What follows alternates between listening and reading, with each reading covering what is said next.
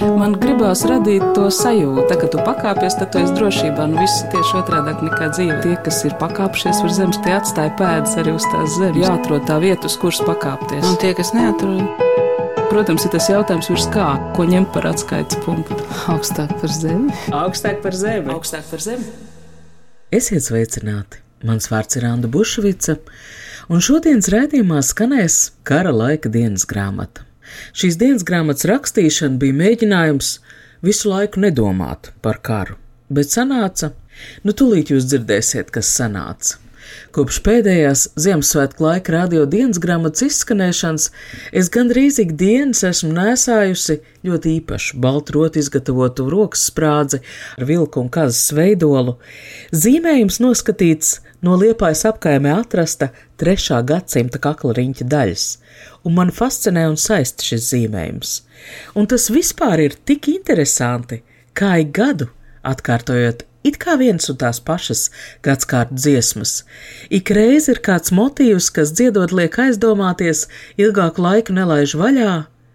Pagājušajos Ziemassvētkos tā bija gaismas atgriešanās rotaļa.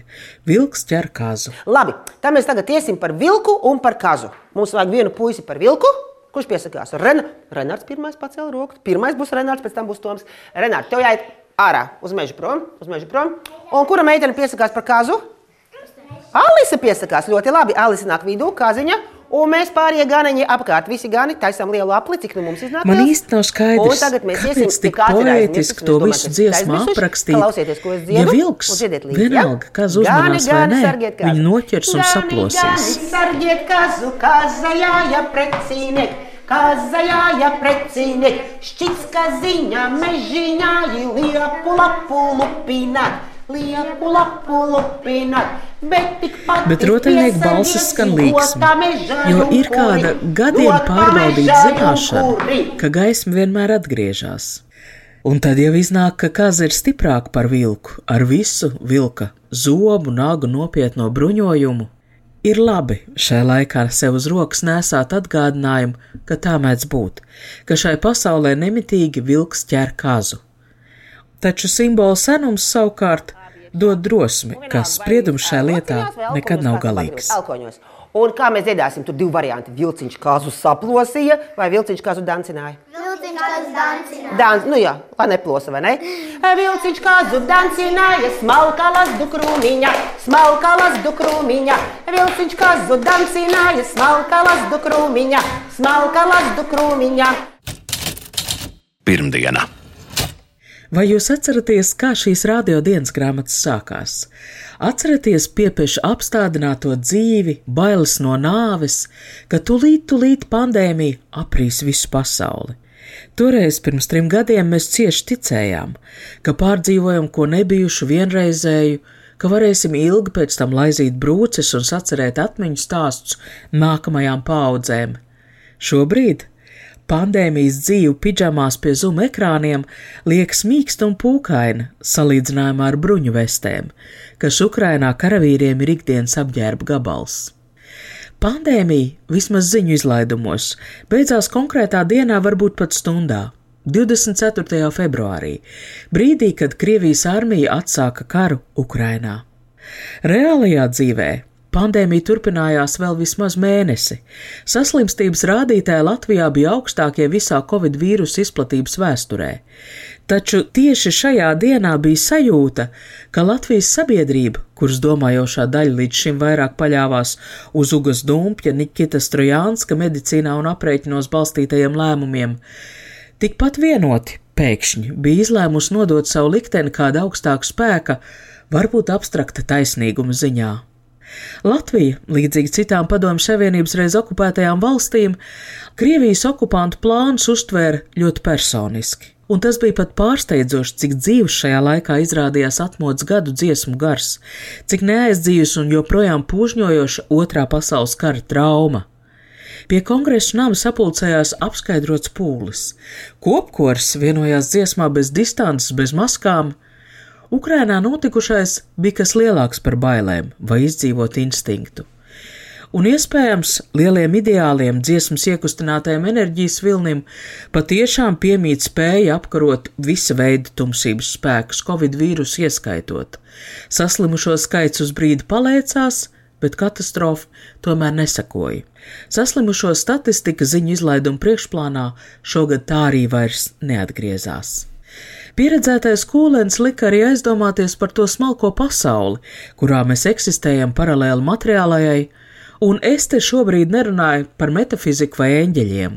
Informācijas telpa, kurai jūtamies piederīgi, mūs padara par vienotu sabiedrību, un tāpat laikā to vada neprognozējams kaprīzes, vismaz man līdz galam nesaprotams cēloņa sakarības. Karš Ukrainā notiek arī Latvijā, informācijas telpā. No koncerta pie kongresa nama atmiņā man palikusi ievas akurāters izvēlētā dziesma. Mans brālis kaut kur tālu, tālu, mans brālis ceļā malā trīc. Es neju uz kara nevālu, tur viss jau priekšā uzrakstīts. Mans brālis kaut kur sists un plosīts, mans brālis kaut kur. Ievas dziesmas ir manas biogrāfijas daļa un es vienmēr brīnos, cik atšķirīgi dažādos dzīves posmos man var uzrunāt vienas un tās pašas dziesmas vārdi. Mans brālis, Māra Melgāla dzēja šai dziesmā, līdz šim man vienmēr likusies kaut kā līdz galam nepateikt iedvesmota, bet šoreiz dziesmas teksts man likās skaidrāks par skaidru. Es zinu, nepareizi, viss nepareizi rakstīts tur. Es labi atceros to reizi, mans brālis baltu guni kur. Es labi atceros to reizi, mans brālis baltu guni kur. Trešdiena. Vai tev jau ir sava bēgļu ģimene no Ukrainas, par ko parūpēties. Sludinājums sociālos tīklos, arī pirmajās dienās, patiešām aizkustina. Kāds ir izbrīvējis bērnu stabu, kāds sakārtojas lauku māju, kāds brauc uz Ukraiņu pats bēgļiem pakaļ. Mūsu draugu kopā ir savu bēgļu ģimene un brīvprātīgo iekārtot māju vietu piesakās tik daudz, ka ierašanās dienā bērnu gulti ir pārapdzīvot no ziedotajām rotaļlietām. Un sieviete ir pat mazliet pārsteigta par mūsu entuziasmu. Viņa negrasās šeit palikt uz ilgāku laiku, neko daudz nevajag. Jūs esat kāda labdarības organizācija? Kaut kāda jau droši vien esam, paši nesaprotam kāda. Un labu arī darīt gribētos vēl vairāk. Dēls dodas uz Ventspils ielu, tiek sūtīts mājās, jo krāvēju tajā dienā ir vairāk nekā vajadzīgs. Ziedota telefons zvana palīdzību, liekas pārāk maz, pārāk bezpersoniski. Uz demonstrācijām gan es neeju, jo es nepanesu pūli, bet patiesībā arī skatoties televīzijā lieliski organizētos koncertus Ukrainas atbalstam, es jūtos slikti, es jūtos bezspēcīga un melīga, Mēs esam ar jums, birst visi tie labi atbalsta vārdi, taču kā Latvijas sabiedrības daļa es jūtos līdzatbildīga, ka patiesībā palīdzēt varam tik maz. Onkuļi pie šaha dēļ droši vien zina labāk. Un tomēr manī ir vainas sajūta, kad izrādās, ka viss rietumu rīcībā esošais modernais militārais bruņojums tomēr nespēja pasargāt Ukrainu no civiliedzīvotāju bojājējas. Я птичка невеличка, я по полю літала, я птичка невеличка, я по полю літала, по полю, по полю, по полю. Vidusmēra nodokļu maksātājiem iespēja ietekmēt militārus lēmumus ir ļoti maza. Un tomēr būtiski ir noturēt sabiedrības spiedienu, visu laiku protestējot pie Krievijas vēstniecības. Folkloras mīļotāja čata grupa, tajā esmu arī es, tagad mācās ukraiņu tautas dziesmas. Kara pirmajās dienās par caurvīju melodiju, kas ļauj kaut kā emocionāli izkuģot cauri kara šausmu un notikušas netaisnības sajūtai, kļūst Ukrāņu folkloras kopas kurbasī dziedātā dziesma par mazputniņu. Я травку проритала, я сокола шукала, я травку проритала, я сокола шукала, сокола, сокола. Tā ir precība dziesma, skaistas sieviešu balsis no laika, kad Ukraiņas sievietēm vēl bija normāls problēmas. Grupas čatā tiek nolēmts turpmāk mēģinājums noturēt pie Krievijas vēstniecības. Vienam ar plakātu tur stāvēt ir skumji, bet te tik iedvesmojošs papildinājums. Ukraiņu tautas dziesma pie Krievijas vēstniecības izskan kā protests, pie Ukrainas kā solidaritātes zīme. Vēlāk jau Ukrāņu folkloras apguvē tiek iesaistīti Ukrainā dzīvojošie mūziķi. Skaņas failu apmaiņas programmas un video zvani daudz ko padarījuši iespējamu pat kara apstākļos. Honorārs par mācību stundu ir arī finansiāla palīdzība draugiem kara cietušā valstī, pie kam šādi nauda nevienu no pusēm nepazemo. Koncertu internetā savā Kijivas dzīvoklī sniedz arī Ukrāņu folkloras kopas Božiči dalībnieki. Vēlāk noskatos pasaules slavenās Ukrāņu grupas Dakha Brakha koncertu. Sievietes karakulādes cepurēs šoreiz spēlē uz sienas projicēto karāinu fonā. Un arī Dakha Brakas dziedātāja balsis, kā man šķiet, šoreiz skan zemāk nekā parasti.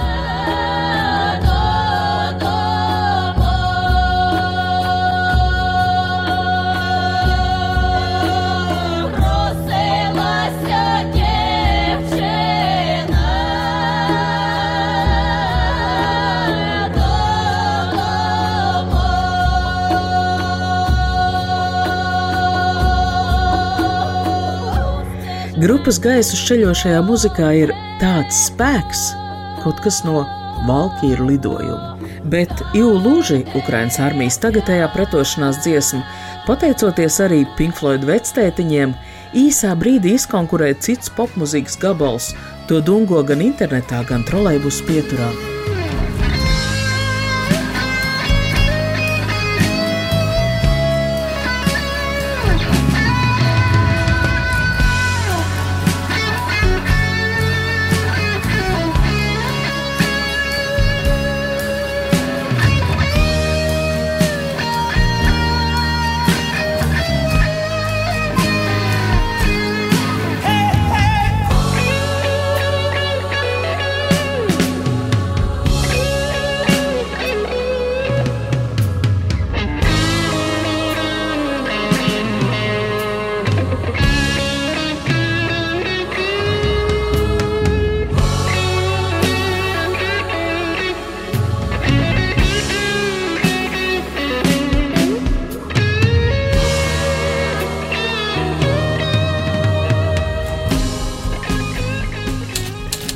Ceturtdiena.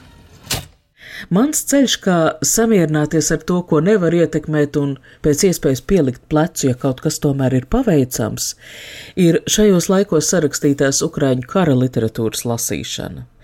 Raidījumā iepriekš jau stāstīja par ukrāņu dzinieku, rakstnieku, aktīvistu Serhiju Žadanu. Viņš šogad nominēts Nobel prēmijai literatūrā, arī par Tamāras Horikas zērņas meitiņu. Abu šo autoru romānu Mārs Poļakovs tulkojumā iznākuši arī latviski. Romānos aprakstītajās karēnās ir potenciāls, kāds nepiemīt aktuālo ziņu izlaidumiem, caur cilvēku stāstiem mēģināt saprast karu. Tamāras Horikas zērņas meiteņa nesen saņēma augstāko Ukrainas apbalvojumu kultūrā - Tarasa Ševčenko prēmiju. Tā tiešām ir izcili uzrakstīta literatūra, kuras autore vispār nemaz nav rakstniece. Tamāra Horika Zērņa ir biznesa tulks, un šī ir viņas pirmā grāmata. YouTube atrodams vairākas intervijas ar rakstnieci, kur pati darbojasies arī kā brīvprātīgā, piegādājot Ukrainas armijai pārtiku un munīciju. Pēc bērna piedzimšanas tas vairs nebija iespējams palīdzēt tiešā veidā armijai, bet viņi izlēma cīņu turpināt, uzrakstot romānu par karu Ukrāņu valodā. Līdz šim šai žanrā prevalēja krievu valoda. Karš Ukrainā ir kultūras sadurs karš un arī informācijas laukā. Ukraina šo karu ved izcili. Kamēr Latvija vēl pārdzīvo šoku, ka 21. gadsimta Eiropā varētu krist bumbas un notikt cīņas, Ukraina mērķiecīgi savu nāciju karam ir gatavojusi jau kopš Krievijas iebrukuma 2014. gadā, un šobrīd Ukraiņi ir pārsteidzoši gatavi pasaulē pierādīt savus vērtības - caur mūziku, caur mākslu, caur humoru, caur vēstījumu. Prezidenta Zeļenska padomnieks Oleksijs Arestovičs ikdienu Ukraiņiem stāsta par kādu no kara aspektiem no sava kā psihologa skatu punkta. Un tas ir pārsteidzoši, ka šāda pašizglītošana notiek kara apstākļos. Arestoviča interneta kanāls ir kļuvis par iespēju aptvert karu daudziem krieviski runājošiem arī Rietuma Eiropas intelektuāļiem. Latvijā, kā daudz vietā Eiropā kopš otrā pasaules kara beigām, kara tēma ir sava veida tabū. Nešķīst ir pat domāt par karu.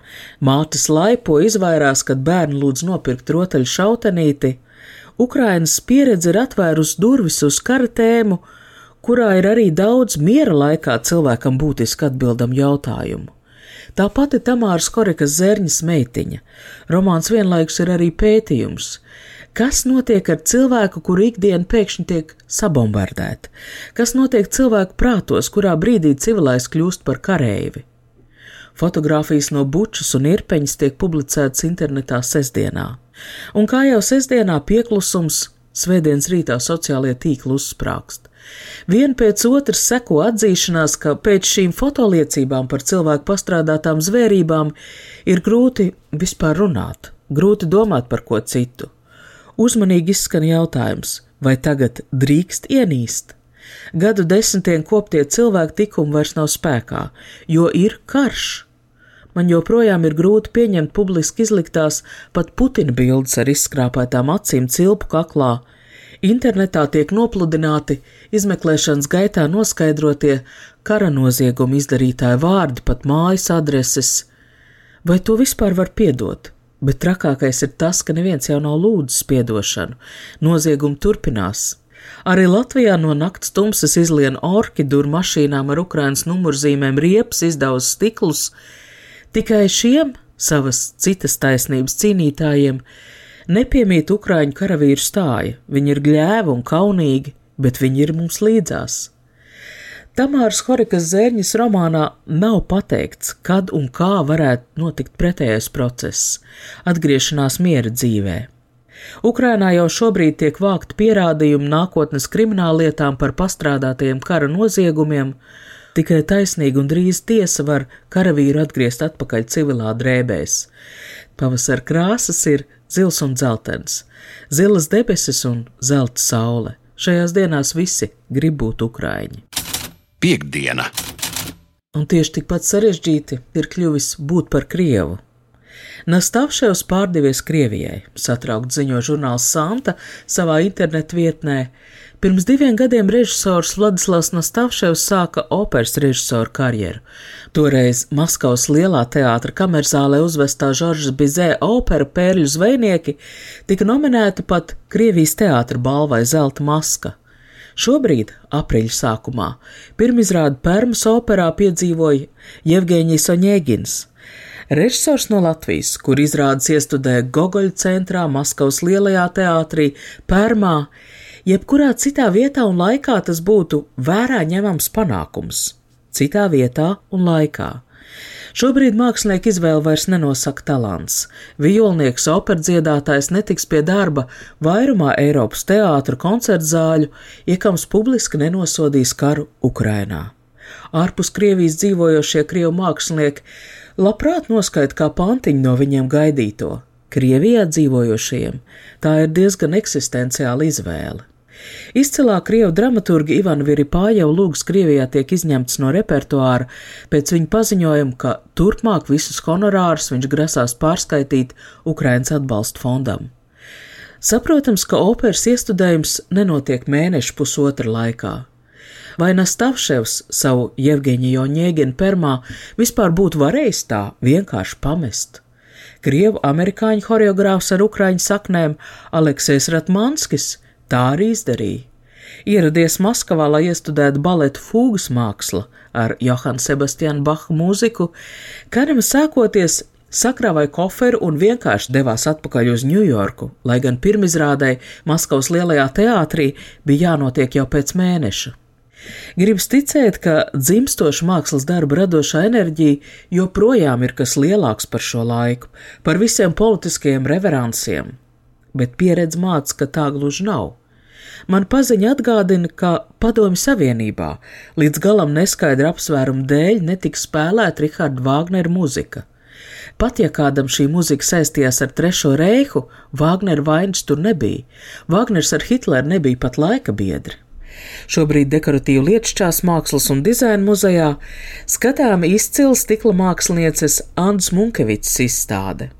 Savulaik lasot veco edu stāstu par pasaules čūsku Jermunu Gandru, mani šai mītā uztrauc ne tik daudz tas, ka čūska varētu atlaist savu asti un pasauli tad aiziet bojā, cik pārsteidza, kā gan viena čūska spēja aptvert visu pasauli. Čuskas tēls uzaus atmiņā Ants Munkevits izstādē, jo, manuprāt, māksliniecei kādreizējās svētā jūra baznīcas telpās tas ir izdevies aptvert visu pasauli. Stikla materiālitāte, atspīd un plastika vien ir vesels kosmoss, vecāku portreti, acis, laimes māte mūžam brūkošās smiltīs, un tad vēl zirgi Plāksnīt pie zilajiem zirgiem izlasu ar angliski, jo angliskais tulkojums atšķirās no latviskā nosaukuma. Angliski tas skan Under the Spell of Time. Mēs visi dzīvojam savu laiku apvārdoti, burvestības iekšpusē. Varbūt tikai kara laikā tas pārāk kantēni kļuvis redzams. Sestdiena! Vai pandēmijas krīze ir nesusi arī kādu mācību? Pilnīgi noteikti. Pasaule kļūst tehnoloģijās izglītotāka, pierādījis spēju globāli sadarboties. Vilnis Vējš uzrakstīs esēju kultūras dienā, kurā saka, ka viņa prāt pandēmija, secīgi arī karš, panācis laika ritējumu atsprākliniski, atgriešanos pie kādreizējām vērtībām. Pandēmija pierādīja, ka valstu robežas tomēr pastāv, Savukārt karš licis izgāzties pandēmijas mierinājumam, ka fiziskam ķermenim un attālumam zum komunikācijā vairs nav nekādas nozīmes. Kad sākas karš, ideāli ir tie paši mūža vecie - pieprasījums pēc muskuļota vīrieša ķermeņa. Šī ir apdomāšanas vērta tēma, lai gan mans secinājums ir pa labu attīstībai pa spirāli, nevis atpakaļ rāpulībai. Ukrainas karā piedalās arī sievietes un sieviešu klātbūtne izmaina kara būtību. Nobela prēmijas ieguvēja rakstniece Svetlana Aleksieviča šobrīd pēta 2020. un 2021. gada pret Lukašenko režīmu Baltkrievijā vērsto protestu pieredzi, nosaucot to par revolūciju ar sievietes seju. Baltijas valstis atrada savu dziesmotās revolūcijas modeli kā nevardarbīgu pārmaiņu panākšanas veidu, Baltkrievijas, diemžēl neuzvarējušās, revolūcijas zīme bija izšuvumi un ziedi. Arī pilsoniska sadarbība globālajā tīmeklī ir kas jauns. Čaļi no Latvijas piegādā Ukrainai rācijas un transportu tieši tik vienkārši, sapazīstoties ar čaļiem tur, Ukrainā, internetā. Ukrainas karš atšķiras arī no visiem iepriekšējiem ar to, ka mājdzīvnieki tiek glābti, nevis vienkārši nošauti.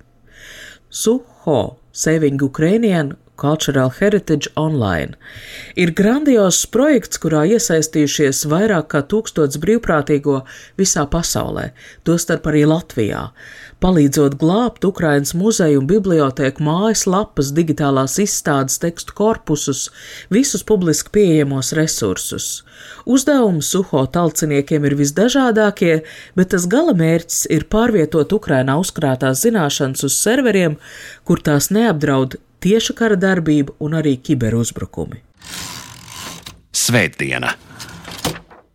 Ne tikai Ukrainā, arī Polijā, Baltkrievijā, Bulgārijā un citur slāvu kultūras pasaulē vēl no pirmskristīgiem laikiem ir saglabājusies īpaša olu rotāšanas māka - pisanka. Latviski varētu teikt olu rakstīšana no vārda pisaķi rakstīt. Tā notiek ar smalku otiņu, izmantojot bišu vasku. Rokdarbu internetu pārdotuvē Etsy var aplūkot šo laiku meistaru rakstītas olas. Šeit tās, protams, ir izpūsts vai no koka domāts ilgstošai glabāšanai kā talismana sargātāji.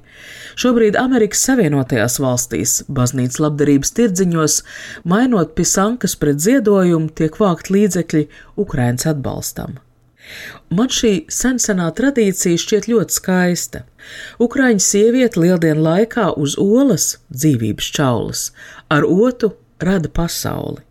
Pisankas tradīcijā ir geometriski raksti, 40 stūrs un meandrs, kas apliecina pasaules bezgalīgumu un kārtību, ir putnu augu ziedu motīvi, berehiņa, dzīvības un nāves dieviete. Neiztrūkst arī kristīgās baznīcas kupola un diamāts tēls.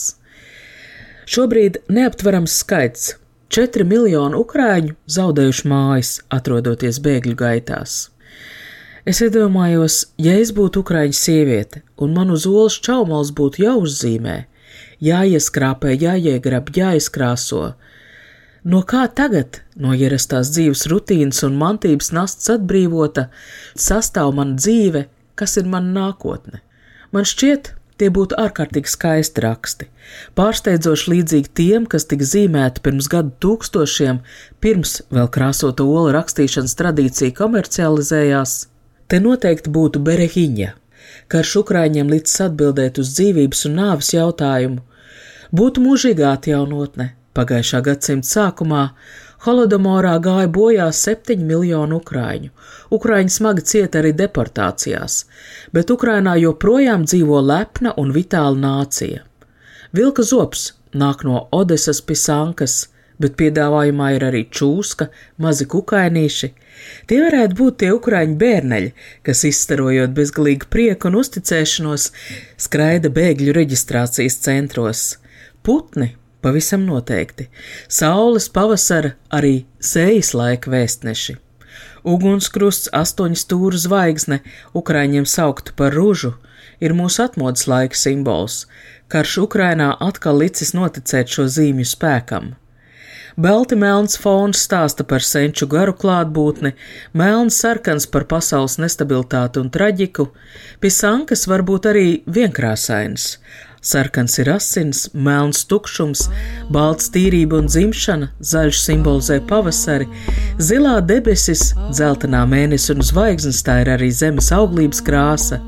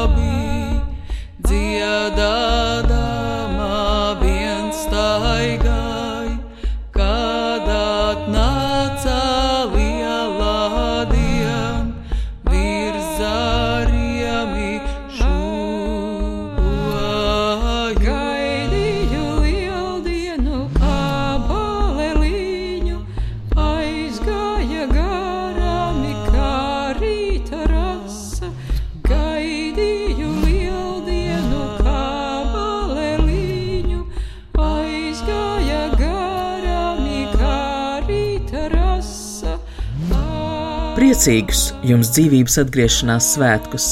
Paldies, ka klausījāties! Ar šo grupas rīsa zvejnieka dziesmu no jums atvedās Anna Bušvica, šī raidījuma skaņoperators Valdis Raitums.